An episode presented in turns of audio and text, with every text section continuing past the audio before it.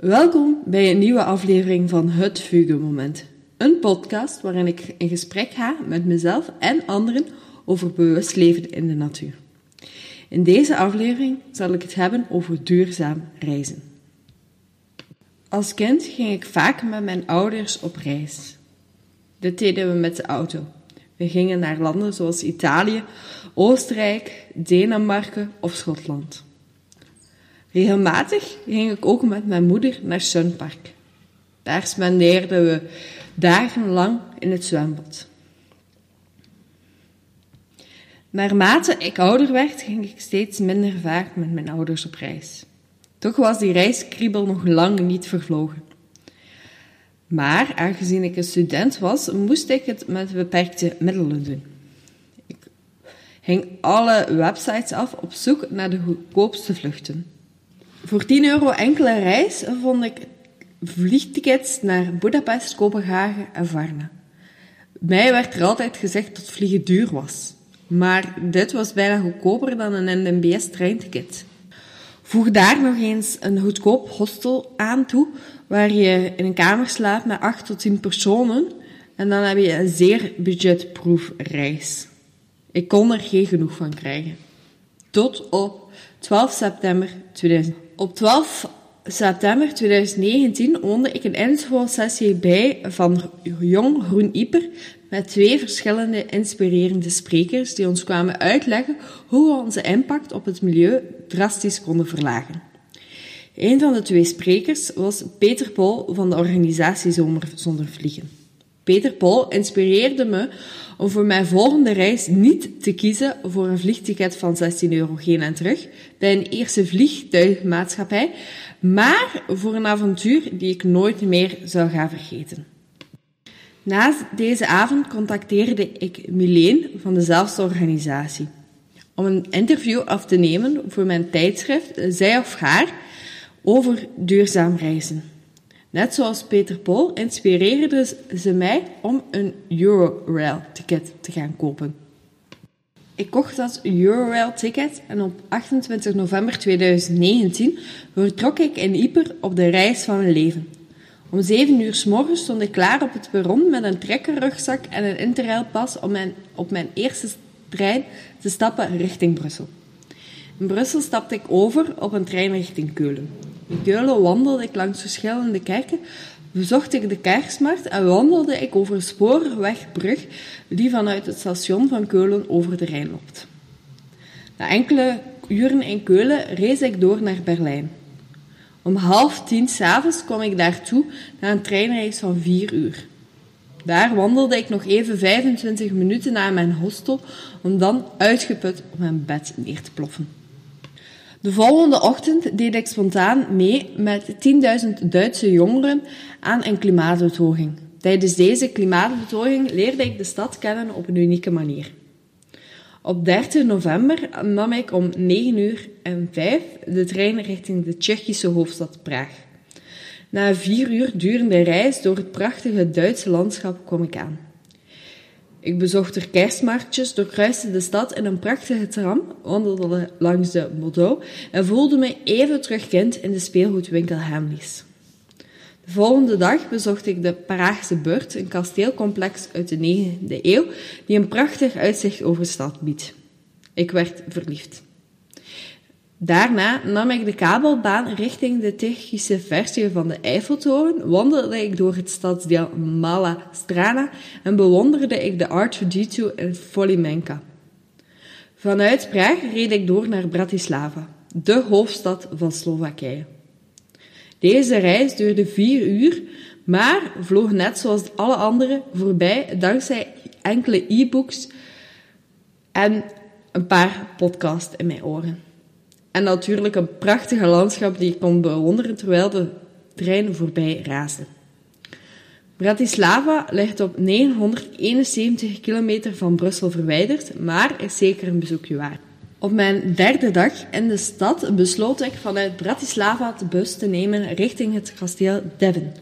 Het kasteel van Devon is een burcht die als verdediging diende. Is geplaatst op de samenvloeiing van de Donau in Oostenrijk en de Morva in Slowakije. Tegenwoordig blijft er van het imposante kasteel niet veel meer over dan enkele ruïnes. Het kasteel wordt momenteel begeerd door het Stadmuseum van Bratislava. Na de, deze dagtrip was ik volledig klaar voor het volgende avontuur. Ik liet Slowakije achter me en trok naar Wenen. De treinrijd naar de stad duurde maar een uur. Even ver als van Yper naar Gent, waardoor dat ik nog een volledige dag had om te spenderen in deze prachtige stad. Ik bezocht Karlsplatz, Hundertwassenhausen, het Startswerk, Rathaus enzovoort.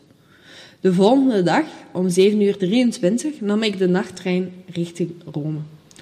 Op de nachttrein sliep ik met vijf andere mensen in een wagon. Ik lag helemaal van boven en kon de slaap erg moeilijk vatten.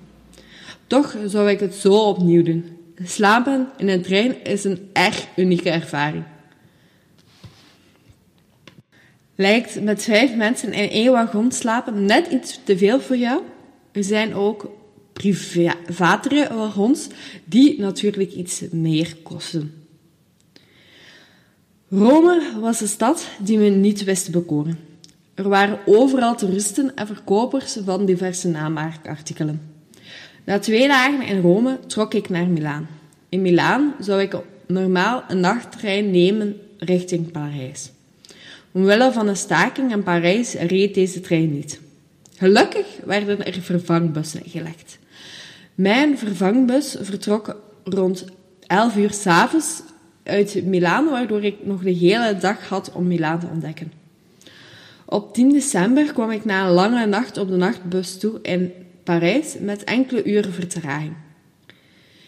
In Parijs reed de metro richting mijn hostel niet. Dan maar met de fiets. Levensgevaarlijk in een stad zoals Parijs, maar eenmaal aangekomen in het hotel begaf mijn lichaam het volledig. Ik was doodop en kon geen pap meer zeggen. De volgende dag sleurde ik mezelf uit de hostelkamer om het Centre Pompidou te bezoeken. De wandeling naar het museum duurde maar liefst een uur. Er reden opnieuw geen metrolijnen en de bussen zaten stamp, stamp, stamp vol. Met de fiets ging ik terug naar mijn hostel. Daar kreeg ik de mededeling dat mijn ferry naar het eiland Jersey afgelast was door noodweer. Wat een domper. Ik zat vast in Parijs. Gelukkig was er nog een reisbus naar Rijssel, waaruit ik de trein naar nam. Mijn reis eindigde daardoor drie dagen vroeger dan gepland. Jammer, maar helaas. Deze pech op het einde van mijn reis deed echter geen afbreuk aan het concept zomer zonder vliegen. Integendeel, tijdens deze reis heb ik ontdekt dat de reis er naartoe veel belangrijker is dan de bestemming. Bij vliegreis begint je vakantie pas vanaf je in het land van bestemming bent geland. Bij treinreizen begint je avontuur van op het eerste perron. Daarnaast voegt treinreizen een extra dimensie toe aan je reis. Zo schreef ik dit. Tijdens mijn reis werd ik bewuster van afstand. Het duurt bijvoorbeeld vier uur in een hoogsnelheidstrein om van Keulen naar Berlijn te gaan. Terwijl ik in de trein zat, leerde ik het land kennen. Ik werd niet langer gezien als toerist, maar als Duitser. Echter werd deze illusie telkens doorprikt vanaf zijn conversatie met me probeerde aan te gaan. Deze tekst illustreert voor mij heel erg mooi hoe dicht je tijdens een treinreis bij de lokale bevolking staat. Je reist letterlijk door het land, waardoor je veel meer voeling krijgt met hen. Mijn eerste treinreis was zo succesvol dat ik het enkele maanden later, in februari 2020, enkele weken voor de eerste lockdown, opnieuw probeerde. Toen nam ik vanuit Dublin de trein naar Galway, van Galway naar Ennis, van Ennis naar Cork en van Cork terug naar Dublin. In de trein zag ik het prachtige eerste landschap voorbij razen. En aangezien de taalbarrière deze keer geen probleem vormde, stond ik nog veel dichter bij de medebewoners. Deze reis vervulde ik dan ook niet met een Interrail-pas, maar met gewoon ticketjes die ik in elk station kocht. Omdat deze trein eerst bedoeld was om met de auto te vervolledigen, had ik geen tijd meer om vooraf een Euro-Railpas te kopen. Maar geen enkel probleem, je kan dus ook gewoon in elk station een ticketje kopen, zoals je dat in België ook zou doen. Zelf vind ik een Interrailpas trouwens net iets handiger, omdat je dan zelf minder uitzoekwerk hebt. Omwille van de strenge maatregelen zat er dit jaar geen treinreis naar het buitenland in. Dan maar een thuisreis in eigen land. Geen enkel probleem, want België had nog zoveel verrassingen voor mij in petto. Benieuwd welke verrassingen? In mijn e-book Thuisreizen schrijf ik er alles over.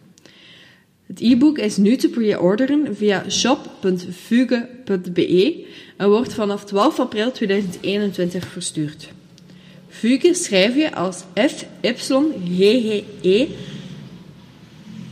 Zo, dan rest er mij enkel nog jullie te bedanken voor het luisteren naar deze eerste aflevering van het Fuge-moment. Wil je geen enkele aflevering missen? Abonneer je dan en volg me via Instagram op fuge.be of bezoek mijn website www.fuge.be. Eh, ik herhaal nog even, fuge schrijf je als F, Y,